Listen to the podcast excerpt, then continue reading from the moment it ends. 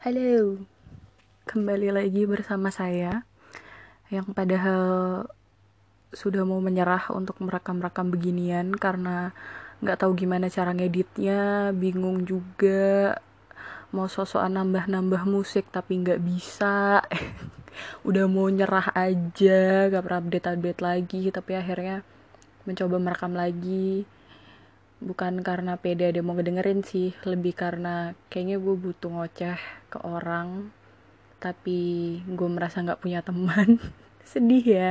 Jadi akhirnya ya udahlah ngerekam gini aja sebagai my audio journal perhaps. So oke. Okay. selamat datang kembali di podcast bikin nyaman. This podcast today we'll talk about um, body positivity. We'll talk about insecurity. We'll also talk about mental health a little bit. It's all mixed up from all those things that I said. So more likely it's about all the insecurities I guess. I'm going to talk more about that which um affect the mental health itself. So okay let's start with the mental health mental health issue itself. Gue kenapa milih topik ini karena masalah dengan mental health itu sudah gue alami sejak gue masih SMP. Which is 10 tahun yang lalu, mungkin lebih. Nah, uh, kalau ada pertanyaan emang anak SMP bisa stres apa sih? Bisa sedipres apa sih? Bisa sesedih apa sih? Masalahnya apa sih bocah SMP kalau ditanya itu sekarang gue juga udah lupa ya sebenarnya masalahnya apa. Bisa jadi masalah di rumah bisa jadi masalah nilai bisa jadi banyak lah ya. Tapi gue juga udah lupa spesifiknya apa tapi masa-masa itu adalah masa pertama kalinya gue mengenal yang namanya self harm. Nah, pada saat itu gue sebenarnya gak terlalu mengerti pada konsep yang namanya sedih, sedih, depressed, stress itu beda-bedanya apa. Gue tidak terlalu mengerti konsep-konsep itu. Yang gue mengerti adalah gue kok sedih banget gitu gitu aja yang gue tahu. Nah, hmm, ke topik yang tadi self harming gue itu sebenarnya tidak sekonyong-konyong mendapatkan idea bahwa oh I'm going to harm myself. No. The idea is actually come when I saw my friend did it. Jadi ceritanya waktu gue SMP gue tuh satu kelas sama temen yang melakukan cutting dan itu dia lakukan karena dia diputusin sama pacarnya. Jadi waktu itu zaman zamannya emo dan segala macamnya itu lagi trending banget lah. Jadi ada masa di mana lo kalau emo itu keren dan emo itu kan apa ya gue nggak bisa generalisir sih cuman waktu itu trennya bener-bener dekat banget sama self harming gitu. Kayak ada kayak uh, keren-kerenan lah di situ. Nah gue waktu itu tidak terfikir untuk melakukan itu sebenarnya. Bahkan waktu di sekolah temen gue pamer uh, tangannya tersilat-silat dengan nama pacarnya gue adalah salah satu orang yang lo ngapain sih begini? gitu tapi seiring dengan berjalannya waktu pada saat itu gue akhirnya melakukan hal yang sama. Karena apa ya waktu itu kayaknya ada hubungannya sama masalah dengan orang tua sih. Tapi jujur bukannya gue nggak mau ngomong masalahnya apa tapi gue lupa masalahnya apa. Nah akhirnya gue melakukan itu. Dan se kalau dipikir-pikir lagi percobaan cutting itu adalah bukan percobaan self harming pertama yang gue lakukan. Jadi gue itu kalau dari kecil sering banget kalau gue merasa gue melakukan sesuatu kesalahan yang bodoh gue jedotin pala gue ke tembok karena gue merasa anjir bego bego bego gitu. Sampai kadang-kadang sampai pusing itu juga sering nah kenapa gue melakukan itu? Gue juga sendiri nggak tahu nggak ngerti kenapa. Yang setelah saat dewasa ini gue juga gue tahu bahwa itu tuh adalah salah satu cara gue punishing myself harming myself which is bad. Dan itu kayak gue lakukan tanpa sadar dulu. Kalau itu tuh sebenarnya menyakiti diri sendiri. Yang gue tahu waktu itu cuman adalah gue butuh gimana caranya meluapkan emosi kayak goblok lu goblok gitu nah cara seperti itu. Ya gitulah pokoknya idiot aja. Nah akhirnya gue melakukan harm self harming itu sebagai coping mechanism. Gue merasa bahwa dengan ini gue bisa dealing dan going with my life further. Ya dengan cara menyakiti diri sendiri ini itu sudah gue alami sejak gue masih SMP. Nah, coping mechanism gue ini berlanjut sampai gue dewasa. Sampai gue berumur sekarang ini, gak ada yang sekarang udah gak. Pokoknya coping mechanism ini itu terus gue lakukan saat gue uh, sedihnya keterlaluan gitu pokoknya intinya di saat kadang kan ada ya masa-masa di mana kita tuh sedih banget. Terus nangis terus sedih terus dan gak bisa berfungsi sebagai manusia normal gitu. Kayak lo gak bisa ngelakuin apa-apa ya udah guling-guling sedih aja gitu. Nah gue kalau udah kayak gitu akhirnya kan gue merasa bahwa gue butuh coping mechanism ya. Dan akhirnya self harming itulah yang gue lakukan. Nah hal-hal yang bikin gue sedih ini juga akan gue bahas kali ya nggak kali ya kan gue bahas. Jadi um, gue itu tidak merasa secara physically gue jelek sampai gue nggak pede gitu. Gitu juga enggak tapi adalah masa-masa di mana gue ngerasa bahwa gue itu orang paling nggak becus di dunia. Gue orang paling uh, fail gue jelek banget gue hancur banget. Itu juga sering banget gue rasa gue gue rasain. Apalagi kalau ngelihat orang-orang di umur yang sama kayak gue hidupnya udah accomplish gitu. Sementara gue masih nggak ada apa-apanya. Tapi kan sebenarnya kita nggak tahu ya di balik layar itu hidup mereka kayak apa.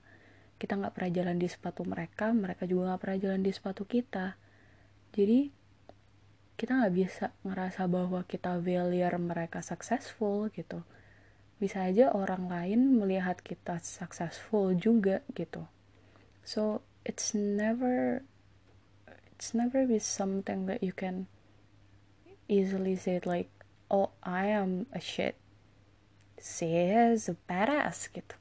You can say it that someone is a badass but it doesn't mean that you can you have to uplift someone and then uh, stomp yourself gitu loh. Bukan maksudnya lo meninggikan seseorang dan menjatuhkan diri lo sendiri gitu. Dan itu hal yang sering lah gue lakuin. Akhirnya gue jadi sedih sendiri gue jadi kecewa sendiri sama diri gue.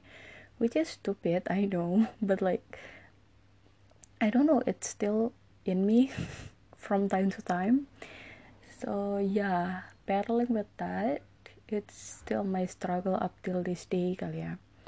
Dan kalau ditanya sih apa aja sih yang bikin gue insecure gitu? Banyak banget sih yang bikin gue insecure. Dulu gue tuh datang dari uh, kota kecil kali ya bisa dibilang gitu. Kota kecil yang uh, kayak istilahnya lu ke mana-mana tuh lu bisa nemuin orang yang lu kenal gitu loh entah itu kenalnya dari sekolah entah itu temennya temen lu gitu kayak lah tiba-tiba kenal gitu kan. Jadi kayak di kota kecil itu gue ada masa di mana gue merasa menjadi makhluk yang ya gue pinter kok gue nggak bego-bego amat gitu. Gue kayak bisa punya pride itu gitu bahwa oh I I have a brain and this brain work fine gitu. Atau kalau enggak gue nggak bisa satu mata pelajaran tapi gue pintar di pelajaran yang lain gitu kan. Nah uh, ini bahas zaman sekolah ya. Nah uh, ketika gue keluar dari zona itu dan akhirnya gue memutuskan untuk kuliah di luar kota semua kepercayaan diri itu luntur itu jatuh itu kebanting ke tanah. Ketika gue ketemu banyak banget orang yang ternyata di atas gue yang ternyata gue bahkan gak bisa keep up sama mereka. Yang ternyata bahkan gue gak ngerti apa yang mereka omongin sama sekali. Karena levelnya udah beda jauh. Dan itu bener-bener mukul gue semukul-mukulnya sih. Kayak oh ternyata gue kagak ada apa-apanya ya gitu yang baik kan setelah merasa setelah merasa seperti itu memiliki motivasi untuk oh gue harus mengejar gitu. Itu kan yang baik. Nah gue contoh yang gak baiknya nih. Gue contoh yang jadi sedih jadi suka nyalahin diri sendiri jadi malah nggak belajar jadi malah party gitu. Which is really bad I know but it was me man. So kayak gue constantly need validation dari orang lain bahwa oh lo baik kok oh lo cakep kok oh lo pintar kok gitu. Kayak se-insecure itu. Jadi gue constantly need validation from another people gitu. Gila. Gila jaksel mampus. Nah gitu. Which is really bad. Buat kalian yang merasa hidupnya butuh validasi dari orang lain binder binder babe binder. Itu sak banget sih kondisi kayak gitu tuh tai banget lah. Tapi gimana gitu kan? Jadi waktu itu rasanya tuh gue selalu butuh orang buat meyakinkan bahwa gue tuh bisa gue tuh keren gue tuh cantik gitu lah dan itu tuh tai banget gitu. Di saat gak ada orang yang bilang kayak gitu uh, spirit lo jatuh lagi jatuh lagi jatuh lagi gitu. Jadi you constantly want to prove yourself gitu. Dan proof prove yourselfnya itu ke siapa? Lo juga sendiri nggak tahu.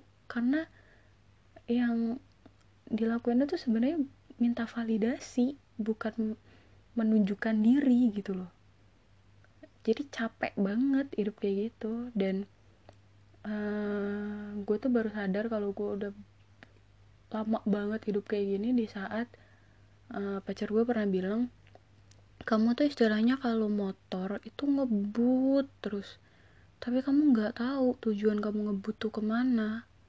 Itu nonjok banget sih waktu itu. Mana waktu dia bilang kayak gitu belum jadi pacar gue lagi ya gitulah. Hmm, jadi uh, akhirnya hidup itu ngerasa insecure terus ngerasa takut terus ngerasa nggak tenang terus ngerasa gampang banget sedih gampang banget jatuh spiritnya moodnya. Karena ya itu tadi butuh validasi terus dari orang lain dan kayak lo hidup tuh bukan buat diri lo sendiri tapi hidup buat orang lain. Dan itu tuh ngaco banget sih emang hidup yang gue nggak mau lakuin lagi sih. Ya semoga nggak lagi lah ya. Dan kalau ditanya apakah gue sudah tidak uh, berputar-putar di zona itu uh, gue nggak bisa ngasih jawaban ketegas ya. Karena kadang juga gue masih merasa adalah hari-hari di mana gue ngerasa spirit gue jatuh banget dan istilahnya tuh kayak butuh disiram gitu spiritnya biar hidup lagi. Ya itu tadi butuh validasi lagi dari orang. Sebenarnya nggak ada yang salah dari butuh validasi dan butuh pengakuan dari orang lain itu. Tapi kalau lo terus-terusan butuh itu ya itu namanya lo bukan hidup untuk diri lo sendiri gitu. Dan itu yang sebenarnya menakutkan. Karena ketika lo hidup seperti itu lo nggak bakal bisa menarik diri lo lagi buat bangkit. Karena diri lo sendiri itu udah nggak udah nggak bisa bangkit sendiri butuh butuh tangan orang lain gitu loh. Padahal orang lain ini tuh tidak punya kuasa untuk membuat lo bahagia. Bukan tugas mereka buat bikin lo bahagia tapi tugas lo sendiri untuk bikin diri lo bahagia gitu loh. Kayak istilahnya tuh lo kok tega banget meletakkan kebahagiaan lo di pundak orang lain gitu. Mereka itu tidak mereka tuh tidak seharusnya gitu memikul beban seberat itu untuk membahagiakan seseorang. Karena seharusnya lu bisa bahagia dengan tangan lo sendiri dengan diri lo sendiri. Tidak ada satu orang pun yang punya yang punya kewajiban dan sekuat itu untuk mengangkat kebahagiaan seseorang di pundak dia memikul beban itu tuh nggak ada orang yang sekuat itu gitu. Karena gimana pun juga kebahagiaan kita tuh harus kita sendiri yang megang harus kita sendiri yang bikin. Dan gue bisa ngomong ini setelah ngelewatin banyak banget hal ya to be honest. Hmm, gue bukan orang yang confidence in my own skin. Gue bukan orang yang percaya bahwa semua manusia itu cakep semua manusia itu pintar semua manusia itu hebat tapi di bidang masing-masing enggak sih gue nggak percaya to be honest ya. Karena ada orang yang memang baik di bidang satu ada orang yang memang masih struggling aja gitu hidupnya dan nggak apa-apa gitu. Karena kalau kita udah nggak struggling di hidup ya namanya kita nggak hidup gitu loh. Hidup cuman goler-goler aja dan nggak mikir apa-apa mah namanya mayit gitu kan.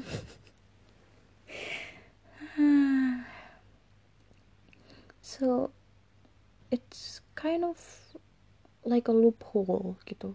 Kayak somehow ini tuh kayak sebuah lubang hitam yang kagak ada jalan keluarnya gitu. Dan kadang walaupun lo berusaha sekuat apa pun lo keseret-seret juga gitu. Tapi nggak apa-apa. Keseret lubang hitam juga nggak apa-apa. Sekali-kali. Tapi yang lo harus sadari adalah ada masa-masa di mana lo harus keluar dari lubang hitam itu. Ada masa di mana lo harus snap it out and work it out gitu. Karena lu manusia gitu. Karena lu punya otak karena lu punya akal karena lu harusnya bisa menyelesaikan masalah lu sendiri. Gue percaya ya masalah yang datang ke kita itu gak pernah too much.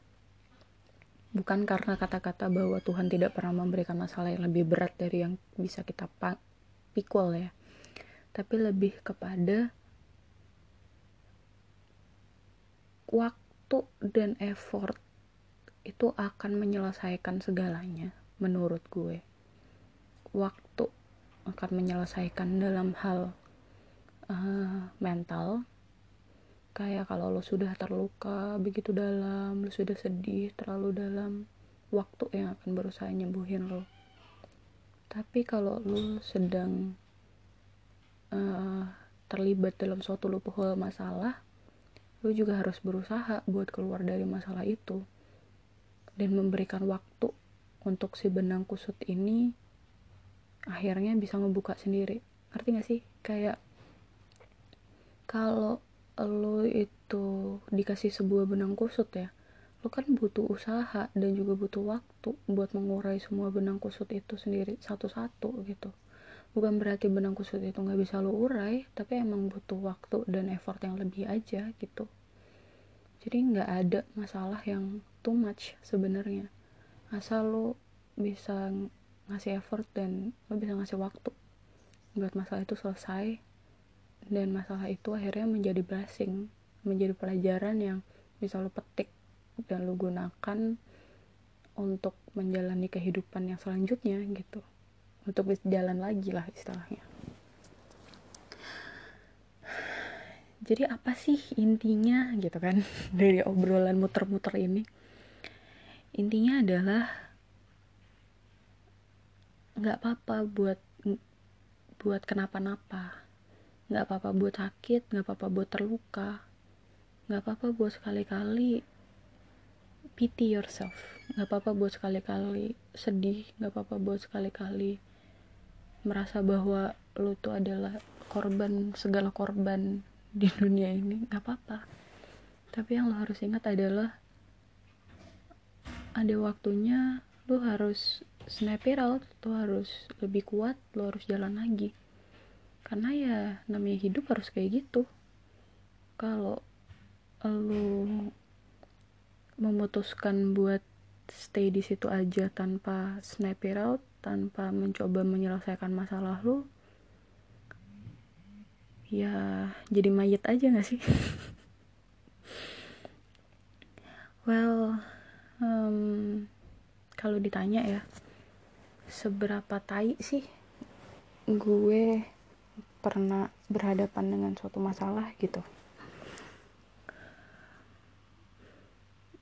jawabannya adalah gue lupa. Masalah itu pernah setai apa. Karena seperti yang gue bilang time heal. Waktu itu menyembuhkan. Waktu itu bikin gue lupa. Berarti kan kalau gue bisa lupa masalahnya sebenarnya nggak berat-berat banget. Toh gue bisa lupa gitu kan? Tapi balik lagi gitu. Waktu memang bikin lo lupa tapi bisa tapi bukan berarti lo mengubur and sweeping under the rug aja gitu. Bukan berarti itu gitu.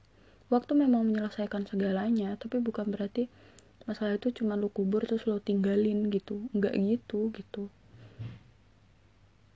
Seperti yang gue bilang tadi harus ada effort yang lo lakukan buat getting better gitu dan buat masalah pers uh, masalah mental health effort yang menurut gue harus lo lakukan adalah bertemu profesional dan open up to someone that you trust ya. Karena kalau udah pada titik di mana lo sampai harming yourself lo sampai nggak bisa berfungsi selayaknya manusia normal itu udah nggak bisa didiemin gitu loh. Karena nggak ada manusia yang deserve to feel that way gitu. Nggak ada orang yang deserve to feel like he is nothing. No human deserve to feel like the world don't need them gitu.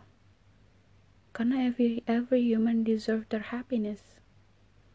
Even if you have to fight for your happiness you deserve to be happy.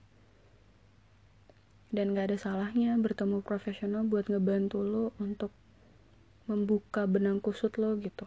Karena kadang lo nggak bisa buka benang itu sendiri. Karena kadang lu butuh bantuan buat buka benang itu. Yang salah adalah ketika lu merasa bahwa lu tidak pantas untuk mendapat bantuan. Yang salah adalah ketika lu nggak mau minta bantuan.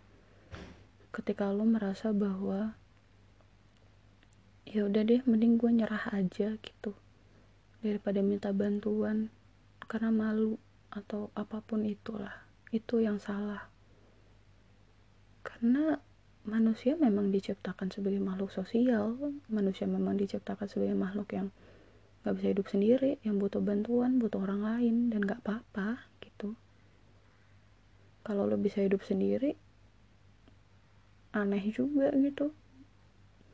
Adam aja butuh if gitu kan. Manusia purba aja hidupnya bergotong royong gitu apalagi manusia modern. Ya gak? jadi uh, yang bisa diambil dari podcast hari ini asik. Kayak harus tiap akhir podcast harus ada pelajaran yang dapat diambil gitu ya. Pelajaran yang dapat diambil adalah tidak apa-apa untuk merasa sedih tidak apa-apa untuk merasa tidak berguna tidak apa-apa untuk merasa tidak baik-baik saja dan minta bantuan pada orang lain minta bantuan pada profesional dan yang harus diingat adalah sedih, kecewa, dan semuanya itu gak boleh terus-terusan. Kenapa? Karena hidup lo masih panjang.